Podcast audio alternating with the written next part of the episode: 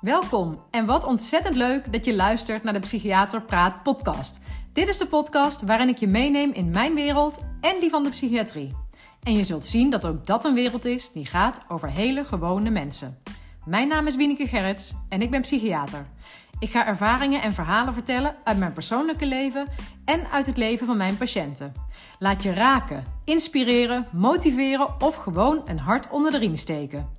Mijn missie is om zoveel mogelijk mensen in beweging te zetten om voor zichzelf te zorgen. Door met elkaar te delen en hulp te vragen als dat nodig is. Niet alleen bij professionals, ook bij elkaar. Zo maken we samen het leven wat draaglijker en onszelf of de ander soms gewoonweg een stukje gelukkiger. Heel veel luisterplezier. Hoi, goedemorgen. Wat leuk dat je er bent. Welkom bij de Psychiater Praat podcast. Ik ga vandaag iets bespreken waar ik al een aantal dagen mee in mijn hoofd loopt, loop. En um, uh, dat is iets heel persoonlijks, heeft te maken met mijn moederschap. Uh, maar uh, het grenst juist eigenlijk aan de, de hele messaging die ik de hele tijd uitzend, hier via deze podcast ook, over aardig zijn naar jezelf. Ja, jezelf de ruimte geven uh, om te zijn wie je bent. Uh, stilstaan bij je emoties, bij je behoeften. En daar ook contact over kunnen maken met anderen, et cetera, et cetera, et cetera. En uh, dit is iets, het voelt zeg maar enerzijds ook een beetje spannend om het te delen. Omdat het heel erg over mezelf gaat en iets wat mijzelf roert. Um, maar ik weet dus ook bijna zeker dat als ik hiermee nou ja, worstel is trouwens niet helemaal een goede woord. Maar als ik hier in ieder geval over nadenk, dan ben ik zeker niet de enige. En omdat ik ook heel regelmatig reacties krijg op mijn podcast, dat het gewaardeerd wordt dat, uh, dat ik zo uh, ja, persoonlijke ervaringen deel en dat mensen zich daarin herkennen, denk ik, nou, laat ik dit ook eens uh, benoemen. Um, ik houd jullie niet langer in spanning. het gaat over het volgende. Ik, ik omschrijf even de context waarin, wat het begin was, zeg maar, van mijn gedachtenstroom hierover. Ik was in het weekend uh, met mijn uh, oudste zoon van negen in de stad. We gingen naar de Biep. Um, hij had het koud. Uh, en hij droeg alleen maar een t-shirt op de fiets. En um, we praten met elkaar en we zeiden: hey, ja, je hebt eigenlijk helemaal geen tussenjas. Hij had wel een dikke winterjas, maar ja, daar was het inmiddels wel te warm voor. Maar hij had geen dunnere jas. Dus ik zei: Nou, misschien een mooie gelegenheid om even te kijken dadelijk in de stad. Um, of we daar een dunne jas voor jou kunnen vinden. En wat ik mezelf eigenlijk helemaal niet had gerealiseerd, is dat dat ongeveer, ja, ik denk echt eigenlijk letterlijk de allereerste keer is dat ik met mijn kind naar een winkel ga om kleding te kopen. En um, misschien verbaast je dat wel, hè? misschien doe je dat veel vaker. Ik heb geen idee, of misschien heb je geen kinderen, dan, dan speelt dit niet. Maar um, in ieder geval, in mijn geval, ja, tot nu toe, ik koop sowieso bijna altijd uh, spullen tweedehands. Ik ben heel erg uh, van circulariteit en uh, nou ja, ik ben ook heel bewust eigenlijk wel bezig met uh, nou ja, met het klimaat en duurzaamheid, et cetera. Dus um, echt vanaf dat ik uh, kinderen kreeg, baby's had, ik heb bijna alle uh, producten, meubels, ledikantjes, boxen, kleding. Ik, bijna alles koop ik tweedehands. En um, en, en, dat doe ik soms ook online. Um, maar ik bedacht me ook van, uh, eigenlijk deed ik dat heel vaak zonder mijn kinderen erbij. Want ik heb ook een aantal vaste tweedehands kledingwinkels voor kinderen, waar ik best uh, zo nu en dan heen ga. Maar daar ga ik eigenlijk altijd zonder mijn kinderen heen. Nou, en dit afgelopen weekend stond ik dus voor het eerst, tenminste in mijn herinnering, met mijn zoon in een kledingwinkel, gewoon voor nieuwe kleding, um, om te kijken of we een jas voor hem konden vinden. Nou, die hebben we niet gevonden. Maar um, daar gebeurde wel iets interessants. Er was daar uh, in een van de winkels waar we waren een, um, een tafel. Er lagen een aantal t-shirts uitgestald. Weet ik veel, zes op een rij of zo. En ja, mijn zoon liep daarop af en die zei: Oh mama, dit is een mooi t-shirt. En nou, van de zes t-shirts vond ik er zeg maar twee wel leuk. En, en, en twee het minst leuk en twee in het midden. En hij wees precies de t-shirts aan die ik niet mooi vond. En um, dus ja, dat vond ik al interessant uh, dat dat gebeurde. En ik, ik dacht ook meteen, kijk, we waren daar niet om t-shirts te kopen. Maar ik dacht ook meteen van, oh nee, dat t-shirt ga ik niet kopen. Wat hij aanwees. En, um, maar goed, ik had ook geen reden eigenlijk om daarover in discussie te gaan. Want ik zei ook tegen hem van, nou ja, t-shirts heb je gelukkig genoeg. Dus dat gaan we vandaag niet kopen. Uh, dus dat was verder helemaal niet meer aan de orde. Maar later liep ik, volgens mij een halve dag later of zo, liep ik in het bos met mijn hond. En toen dacht ik daar nog eens aan terug. En toen schrok ik eigenlijk een klein beetje van mijn eigen reactie. Toen dacht ik, ik had eigenlijk heel snel in dat moment aan die tafel met die t-shirts bedacht dat ik niet het t-shirt zou gaan kopen als ik al een zou kopen van zijn voorkeur, omdat ik het niet mooi vond. en eigenlijk zodra ik dat bedacht en me daar bewust van werd, toen, uh, ja, ik voelde me alsof ik mezelf een beetje betrapte. Ik dacht, hé, hey, maar dat gaat toch eigenlijk helemaal niet om mijn voorkeur. En um, het was dus ook, denk ik, gewoon een beetje nieuw. Want tot nu toe, ja, zoals ik net al beschreef, had ik eigenlijk min of meer altijd bepaald, ja, ook überhaupt welke kledingstukken er ons huis in kwamen. Dus had ik deze, ik had hier nog nooit een probleem mee gehad. En uh, mijn kinderen hebben ook tot nu toe nog nooit geklaagd over wat ze aan kleding of schoenen hadden of zo hoor. Dus um, dat, dat bleek gewoon allemaal prima. En als zij ochtends opstaan, uh, mogen ze van mij gewoon uit de kast trekken wat ze aan willen trekken. Mogen ze de combinaties maken die ze willen. Dus ik uh, voor mijn gevoel geef ik ze ook altijd wel de ruimte om, nou ja, om zich dus zo te kleden en zo te presenteren uh, zoals zij dat fijn vinden. Maar goed, dat was wel binnen de kaders die ik had geschapen, namelijk wat ik in huis bracht. Dus het was ook gewoon, dat, dat realiseerde ik me ook, dat het ook een, voor mij als moeder een nieuwe situatie was eigenlijk. Die ook misschien wel samenhangt met de leeftijd. Hè? Dat die op deze leeftijd, negen jaar oud, misschien wel meer voorkeur krijgt voor uh, nou ja, hoe die eruit wil zien uh, dan een aantal jaren geleden. Dat hij, dat hij daar toen nog minder bewust van was of mee bezig was. Maar toch bleef dat deel bij mij hangen. Van, blijkbaar was mijn eerste reflex toch om te bepalen uh, dat, dat ik zou bepalen hoe hij eruit zag. Dat hij dat andere t-shirt zou dragen wat ik mooier vond, bijvoorbeeld. En um, nou ja, eigenlijk moest ik mezelf natuurlijk meteen tegenspreken. Want als er nou iets is waar ik veel aandacht voor heb, ook in deze podcast bijvoorbeeld, maar dus ook in gewoon hoe ik in het leven sta, is dat ik denk, ieder mens moet juist de aanmoediging krijgen om eh, zijn eigen identiteit te ontwikkelen. Ik heb een keer een podcastaflevering opgenomen over uh, wat is persoonlijkheid en een persoonlijkheidsstoornis. Nou, daarin heb ik uitgebreid verteld over de drie kernconcepten eigenlijk hè, van, van persoonlijkheid. Uh, het zelf, het interpersoonlijke en de coping, hè, de manier hoe je omgaat met stress en problemen. En uh, nou, binnen het zelf is identiteitsontwikkeling een heel uh, belangrijk onderdeel. En, en, en zelfbeeldontwikkeling. En hè, kijken, wat, is, wat zijn mijn voorkeuren? Wat zijn mijn eigen wensen? Wat, ja, wat doe ik graag? Maar dus ook inderdaad, hoe zie ik er graag uit? En um, het is niet zo dat ik nu per se meteen dan heel kritisch ben op mezelf hoor. Uh, dat ik denk van, oh, ik heb het fout gedaan. En zo voelt het helemaal niet. Maar ik voel me als het ware uitgedaagd uh, als opvoeder, als moeder, om um, weer in een soort van nieuwe fase, waarin ik terecht kom blijkbaar met mijn kind, te ontdekken hoe ik daarmee omga met het feit dat ik hem ruimte wil geven om zich te ontwikkelen, uh, ook om zijn identiteit te ontwikkelen die bij hem past. Want um, ja, wat ik, in mijn, ik ben ook weer bevooroordeeld, denk ik dan ook weer. Door mijn werk heb ik met heel veel mensen gewerkt die uh, hierin ernstig beperkt zijn geraakt of uh, niet gezien of overschreeuwd of uh, ja, die niet in, een veilige context zijn opgegroeid. En dan heb ik gezien wat het, uh, wat het uiteindelijke effect kan zijn op identiteitsniveau, op zelfniveau, op persoonlijkheidsniveau, als dat ja, niet in goede banen wordt geleid. Dus ik ben daardoor misschien ook wel erg ja, gehyperfocust hierop. Um, maar ik, ik, het voelde toch een beetje alsof ik mezelf dus aan tegenspreken was. Alsof ik dus eigenlijk altijd zeg: het is zo ongelooflijk belangrijk om het kind te zien zoals het is en om hem de ruimte te geven. Uh, terwijl mijn eerste reflex dus eigenlijk was die ruimte te beknotten. En um, het is ook weer niet zo dat ik daarmee dus zeg van uh, ja, je moet dat vervolgens dan volledig loslaten of zo. Hè? Je moet je kind alle ruimte geven. Um, of tenminste, je moet het niet onbegeleid doen. Want um, je hebt als opvoeder ook wel weer de taak. Je, je moet je kind ook beschermen. Kijk, en in, bij dit voorbeeld, uh, die zes t-shirts op een rij, die waren allemaal oké. Dat was gewoon, uh, dat, dat, wat, wat ik wel en niet mooi vond, had gewoon te maken met mijn voorkeur. Maar dat was, er was niks uh, aanstootgevends aan of zoiets dergelijks. Of, hè, want ik denk dat daarin is het wel je taak als ouder om, um, om op te letten van... Hey, ja, hoe mijn kind zich kleedt. Zeker ook als het ouder wordt of als het misschien zelf kleedgeld heeft en zelf kleding gaat kopen. Um, dan wil je denk ik wel een bepaald, uh, nog steeds wel een bepaalde invloed hebben op hoe het kind eruit ziet. En dan met name denk ik dat je erop moet letten dat het, nou ja, wat ik net zei, dat het niet heel aanstootgevend is of uh, risicovol is. Ja. En ook dat is natuurlijk niet zwart-wit. Dat lijkt mij eerlijk gezegd een hele moeilijke klus als ouders. Um, nou ja, dat gaat de komende jaren bij mij waarschijnlijk steeds meer of vaker uh, een ding zijn, hè, of, of de revue passeren. Ehm, maar natuurlijk zijn er ook bepaalde grenzen. Maar ik denk wel dat, ehm, nou ja, dat. Ik heb dat zelf als kind denk ik ook niet zo ervaren dat mijn ouders heel bepalend waren. Uh, overigens uh, ben ik ook opgegroeid helemaal niet met hele ruime middelen. Dus ik, ging ook zelf als kind helemaal niet vaak naar de winkel om nieuwe kleding te kopen. Dus ik heb daar zelf ook niet zo in ervaren dat ik daar um, heel erg in van mening verschilde van mijn ouders. Ik kreeg daar best wel de ruimte in.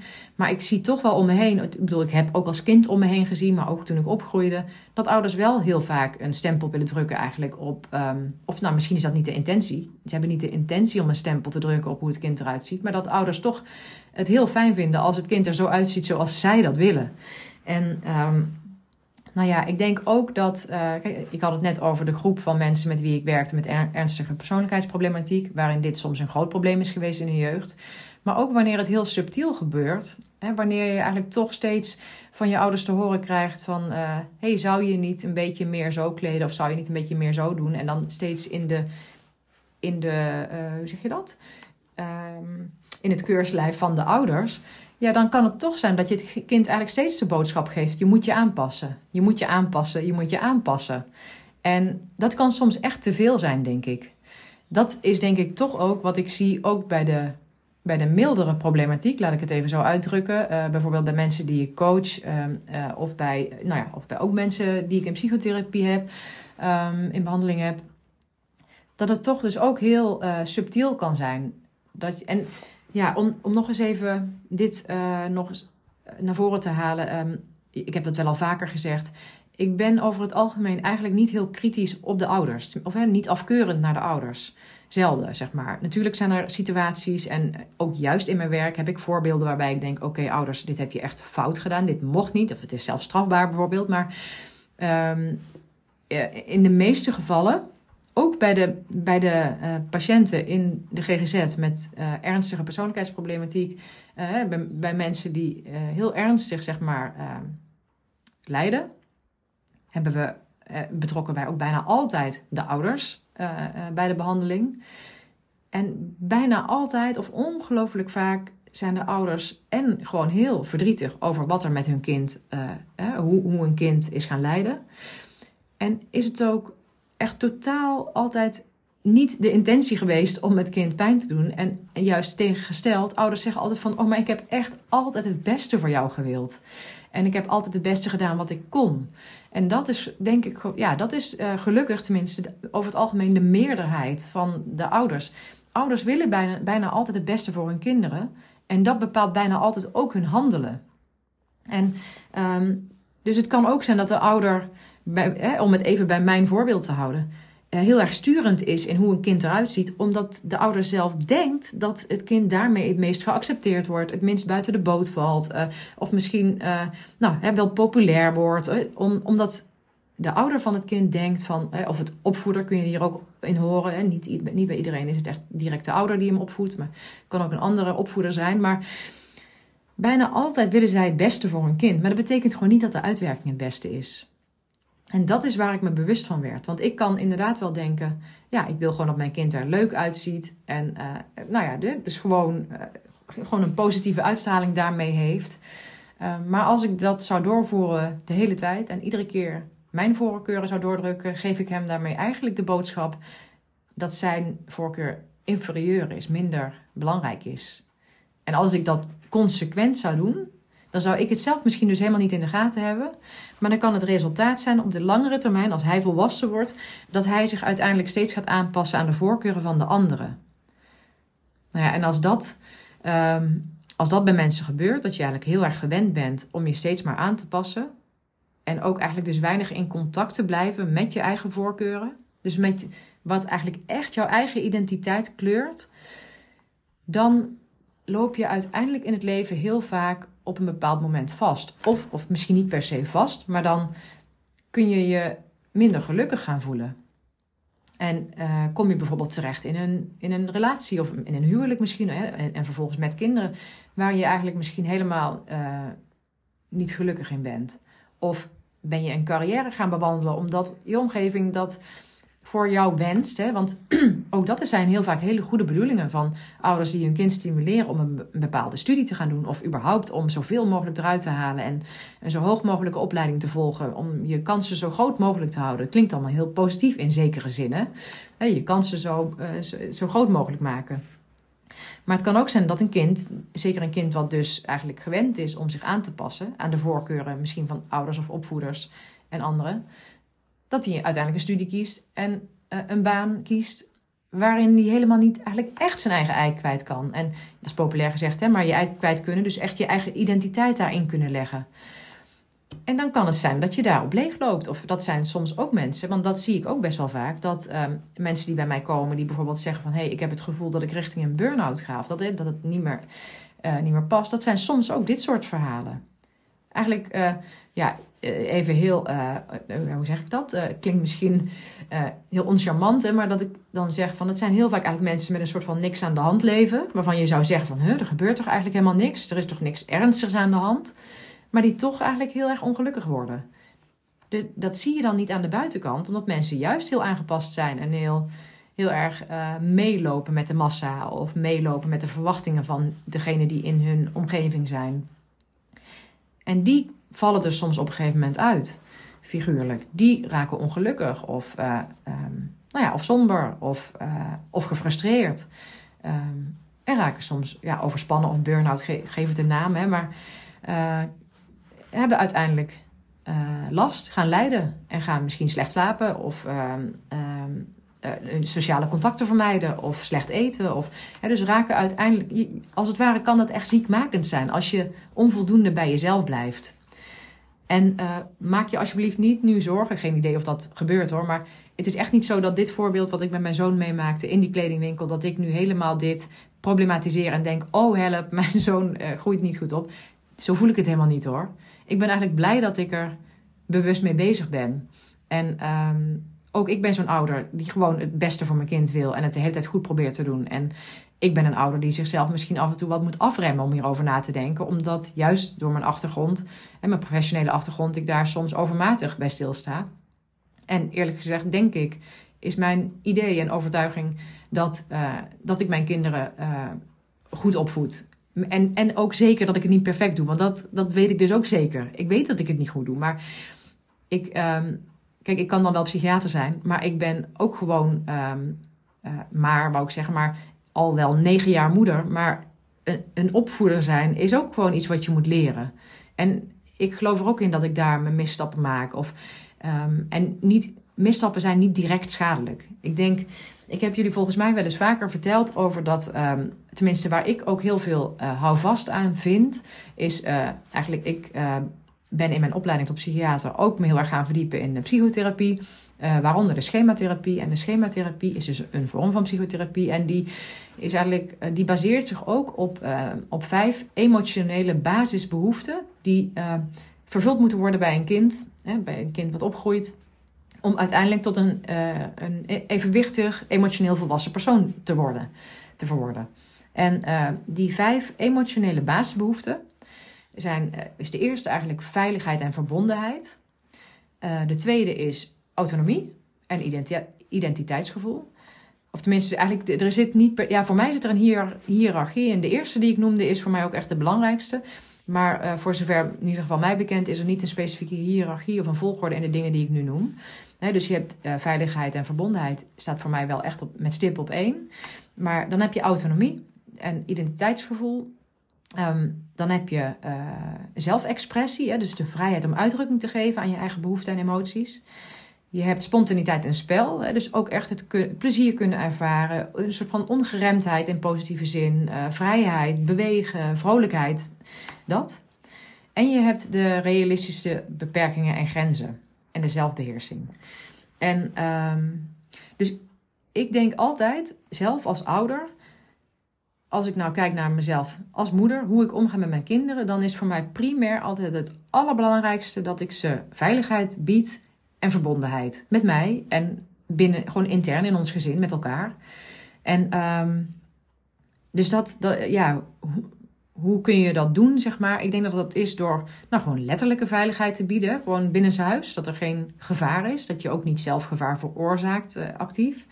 Uh, maar ook stabiliteit. Uh, dat ze zich geliefd voelen. Dus je kinderen koesteren.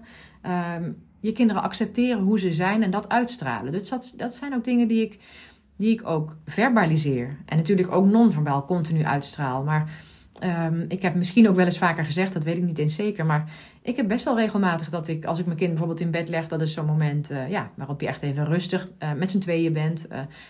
Dus niet, ja, de rest van de dag ben je misschien met meerdere mensen in de ruimte. Maar dat één op één moment bij het naar bed brengen kan echt zo'n moment zijn dat ik ze even actief, hè, of best wel bewust zo'n zo'n zinnetje influisteren. Zo van, hé, hey, je bent helemaal oké zoals je bent.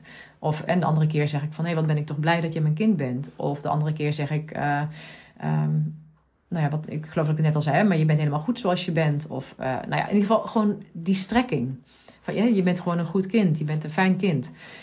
Die strekking, die, dat, dat doe ik wel bewust. Dat ik, omdat ik weet vanuit die emotionele basisbehoeften, dat is zo belangrijk. Die, het, gewoon, dat, het is goed. En, dat je, en, en dan in verbinding brengen met elkaar. Dat ik, want natuurlijk moeten ze zich bij mij veilig voelen. Ik ben uh, uh, de, een heel sleutelfiguur in hun, in hun kindertijd. Ik ben, ja, ik ben samen met mijn man de belangrijkste persoon in hun kindertijd. Dus ik moet ze die boodschap geven. En dat vind ik ook fijn om te doen. En ik zie ook dat ze dat fijn vinden. Um, maar dus wat ik net al noemde, zo ook die autonomie, is ook een basisbehoefte. En autonomie betekent ook van uh, de vrijheid krijgen, hè, of, of de, dat je zelf mag beschikken, zelf mag bepalen over je leven hè, of over je keuzes die je maakt. En natuurlijk zit daar nog wel, uh, hè, ben ik ook gezagvoerder. Hè, dus het is zelfs mijn plicht om uh, tot hun achttiende, totdat ze volwassen zijn, ja, over hen te beschikken. En dus ook verantwoordelijkheid te nemen over de keuzes die ze maken. Dus natuurlijk is, dit een, is autonomie iets wat ze moeten ontwikkelen en waar ik ze moet, bij moet begeleiden.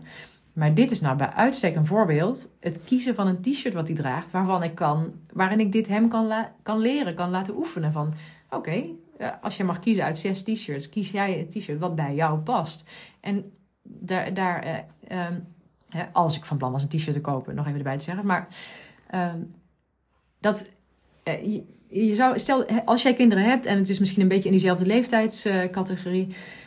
Um, je moet je kind eens zien glimmen hè? Of, trots zien voelen en zelfstandig zien voelen als je ze soms dit soort taken geeft of dit soort vrijheid geeft. Dat, daarmee groeien ze bijna letterlijk voor je ogen. Dat is gewoon heel erg belangrijk. En dus het is heel belangrijk om dat te doen, juist wanneer het gaat om, om, um, om beslissingen waar niet zoveel risico aan zit, waar, waar wat eigenlijk veilig is. En uh, door ze die ervaring te geven. En nou ja, juist bijvoorbeeld uh, als een kind zelf zijn kleding uit mag kiezen. En bijvoorbeeld van vriendjes op school hoort van, hè, wat heb jij een lelijk t-shirt aan? Ik noem maar even een flauw voorbeeld. Hè, maar stel dat ze dat zouden horen, dan, dan leren ze dat ook. Van, hé, hey, maar ik heb iets gekozen wat ik mooi vind, wat bij mij past. Oh, en jij vindt het niet mooi. Nou, hopelijk, of het zou heel fijn zijn, als je kind daar bijvoorbeeld ook... Uh, met jou over in contact treedt of zo. Hè? Dat hij zegt van, oh mijn vriendje vond dit niet mooi. En dat je daarmee een gesprek kunt krijgen over dit thema. Uh, natuurlijk wel ingetuned op het niveau en op de leeftijd van jouw kind. En ik bedoel, het kind hoeft niet per se daarover te praten met jou, maar die ervaringen opdoen is heel belangrijk. Van, oh, als ik kies wat mijn voorkeur is, hoe reageert mijn omgeving daarop? En hoe, hoe gaat het kind daar vervolgens mee om? Gaat hij vervolgens vooral kijken naar wat zijn vriendjes dragen en dat dan kiezen? Of, nou ja, dat hoort allemaal bij de ontwikkeling van een kind.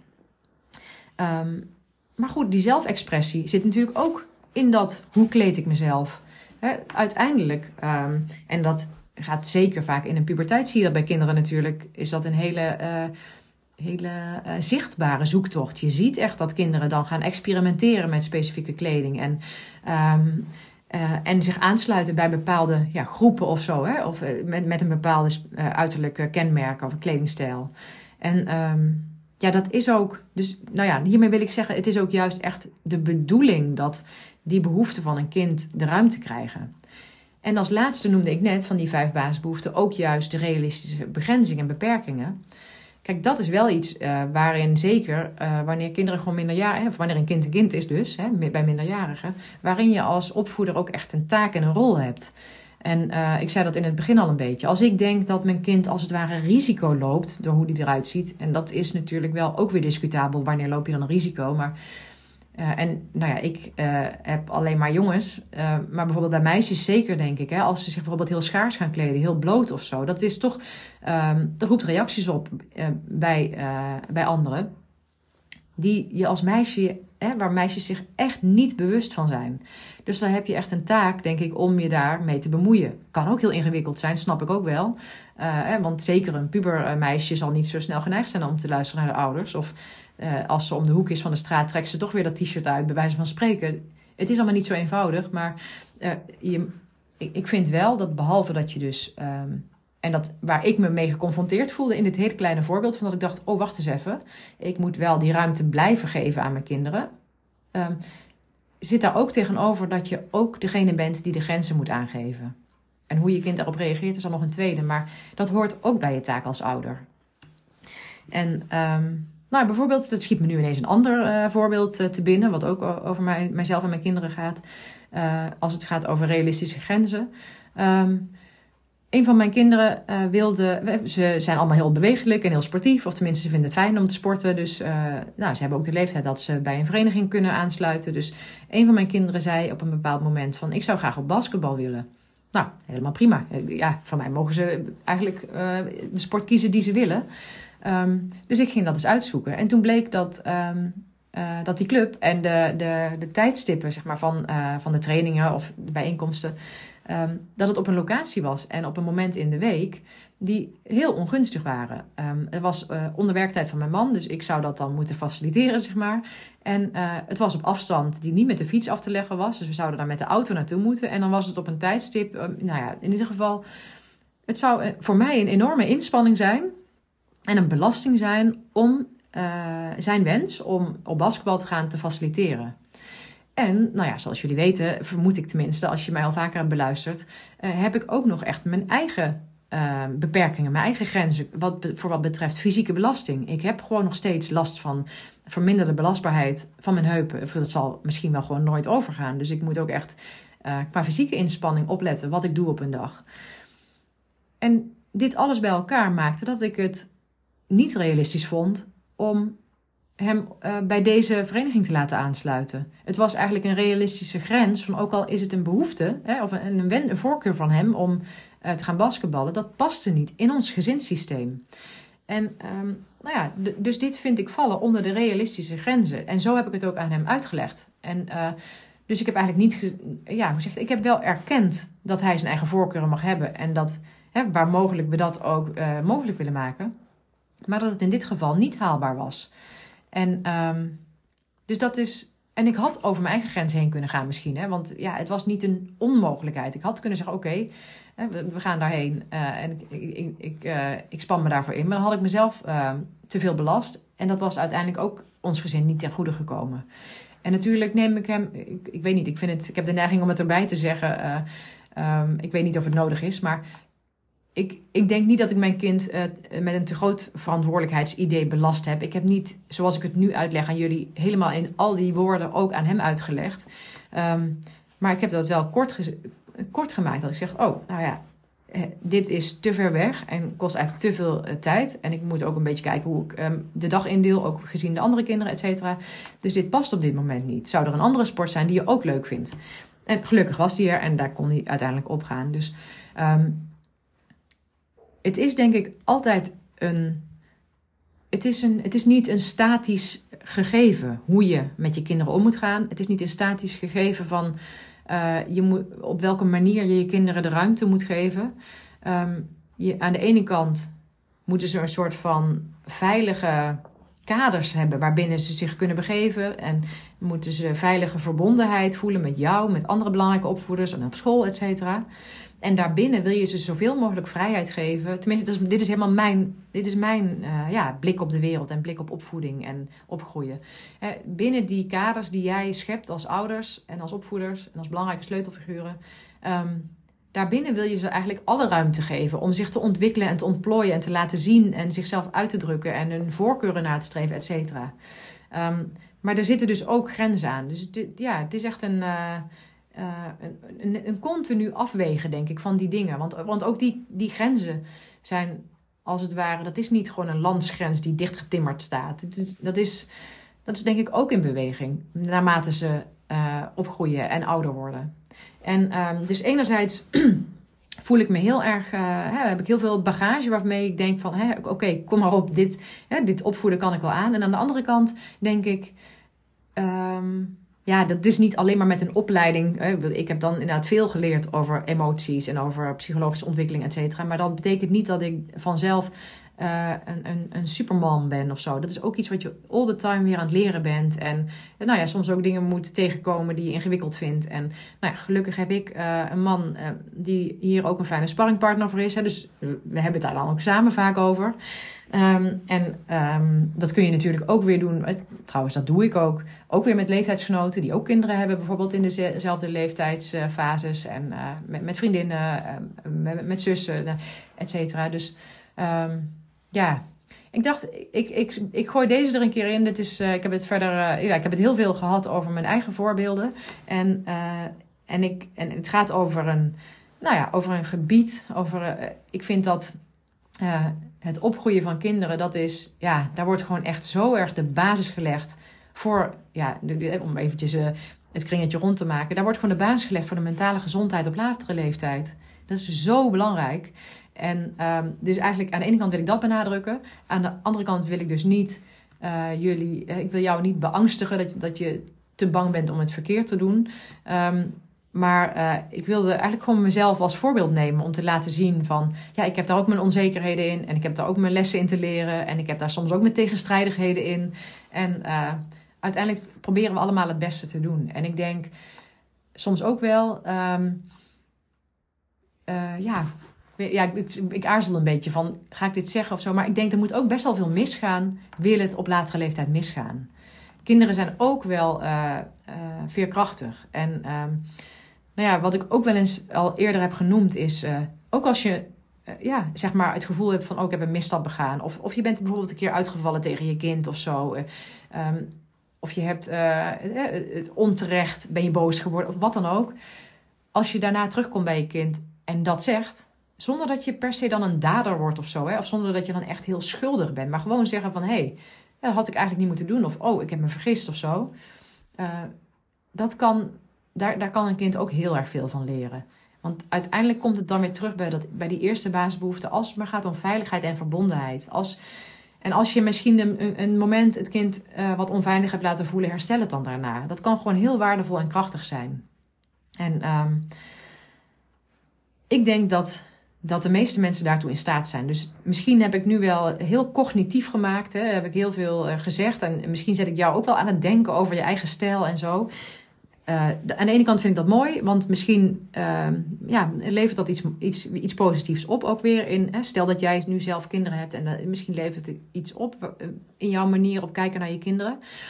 Maar ook als je het juist even niet zo goed weet, of als je juist misschien ook een piekeraar bent of een denker, probeer dan juist ook weer terug te gaan bij gewoon naar een soort van basis. Het, je hoeft het allemaal niet te weten als jouw intentie maar goed is en als je maar. Um, uh, dan, dan zou ik zeggen van hou dan die twee dingen voornamelijk in de gaten. Veiligheid en verbondenheid. Die, daar begint denk ik alles mee. En dan komen daarna die andere basisbehoeften ook nog wel. Ik, ik zal ze nog even opnoemen, want misschien uh, vind je het wel interessant. Uh, de, de andere is autonomie, zelfexpressie, spontaniteit en spel en realistische grenzen. Dat zijn in mijn optiek hele. Dat zijn, het is een theoretisch model. Hè. Ik zeg niet van de wereld zit zo in elkaar. Maar het is in ieder geval een model wat mij heel erg aanspreekt. En waar ik veel, nou, dus zelf ook als moeder heel veel hand van heb. Maar ook heel erg veel heb gebruikt en toegepast in mijn werk als psychiater. dat zijn mooie basisbehoefte om, om te beschouwen van waar, um, nou ja, dus als moeder zelf van, oh, hè, hoe, hoe ga ik daar nu zelf mee om? Maar ook als je kijkt naar van uh, uh, iemand die lijdt, van hey, waar zou het kunnen zijn dat een beetje de, het gemis is geweest? Waar is misschien te weinig in bevredigd? En uh, nou ja, dus misschien, misschien spreekt het jou ook aan en kun je er eens op gaan reflecteren. Maar ik wil dus ook echt vooral zeggen van het, is niet mijn opdracht om nu heel erg in je hoofd te gaan zitten. Blijf ook echt gewoon voelen dat het goed voelt. Als je nu kinderen opvoedt, of als je leerkracht bent, of op een andere manier met kinderen werkt, dat geldt het natuurlijk trouwens ook allemaal voor. Hè? Je hoeft niet per se zelf kinderen te hebben om dit toe te passen. Dit kan, ja. En zelfs als in, in de omgang met volwassenen is het eigenlijk.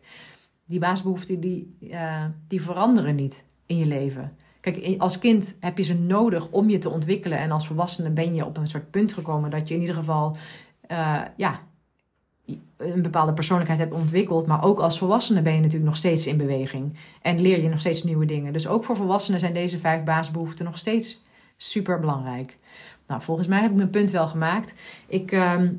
Ik, uh, ik, ik, heb het al een tijdje volgens mij niet meer gezegd, tenminste in mijn beleving. Uh, ik weet het niet. Maar ik vind het super leuk om van jullie reacties uh, te krijgen op de dingen die ik vertel. Want um, dat is ook gewoon een behoefte van mij. Ja, dat, ik kan niet anders zeggen. Ik, uh, ik vind het. Uh, ik, ik krijg heel regelmatig reacties. Dus ik, en dat, dat geeft mij ook echt. Uh, ja, dat is meestal, tenminste tot nu toe zijn ze ook gewoon heel vaak heel positief. En dat moedigt mij ook aan om hiermee door te gaan. En um, dus dat is gewoon eigenlijk heel welkom, heel fijn. Maar ook inhoudelijk vind ik het uh, vaak heel leuk als mensen uh, vertellen wat ze eruit pikken. Want ik, ben, ik praat gewoon heel lang aan elkaar en ik, ik noem een heleboel. En soms is het heel verrassend wat iemand, uh, gewoon letterlijk een, een quote of zo, die zegt van, oh, die kwam binnen of dat, ja, dat raakt me of wat dan ook.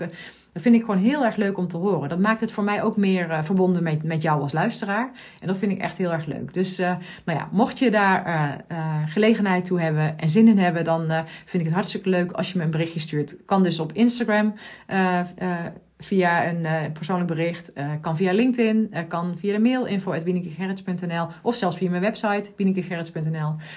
hartstikke leuk als je dat wil doen. Nou, ik ga hem voor vandaag afronden. Hopelijk weer tot de volgende.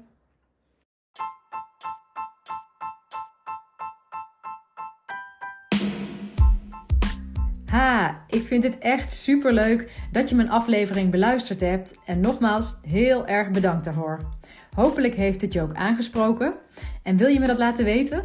Dat kan via mail naar info.wienekegerrits.nl, een bericht via Instagram, waar ik te vinden ben onder Wieneke underscore of op LinkedIn onder mijn eigen naam. Ik vind het heel leuk om ook jou beter te leren kennen en te weten wie er luistert. Jij kunt ook anderen inspireren door mij te taggen, bijvoorbeeld in je stories of je feed op Instagram. En wat jij van mij kunt doen, is in jouw podcast-app waar je deze beluistert, een review achterlaten. Bijvoorbeeld een aantal sterren. Wil je dat doen? Zo kom ik erachter of en hoe mijn podcast gewaardeerd wordt en wordt hij beter vindbaar voor anderen. Overigens kun je je ook abonneren op deze podcast in je app. Hoe dat per app werkt, weet ik niet precies, maar vaak is er een knop subscribe, abonneren of volgen en dan krijg je automatisch een berichtje of in je app te zien als ik een nieuwe aflevering heb geplaatst. Maar nogmaals, super, super, super dank en tot de volgende!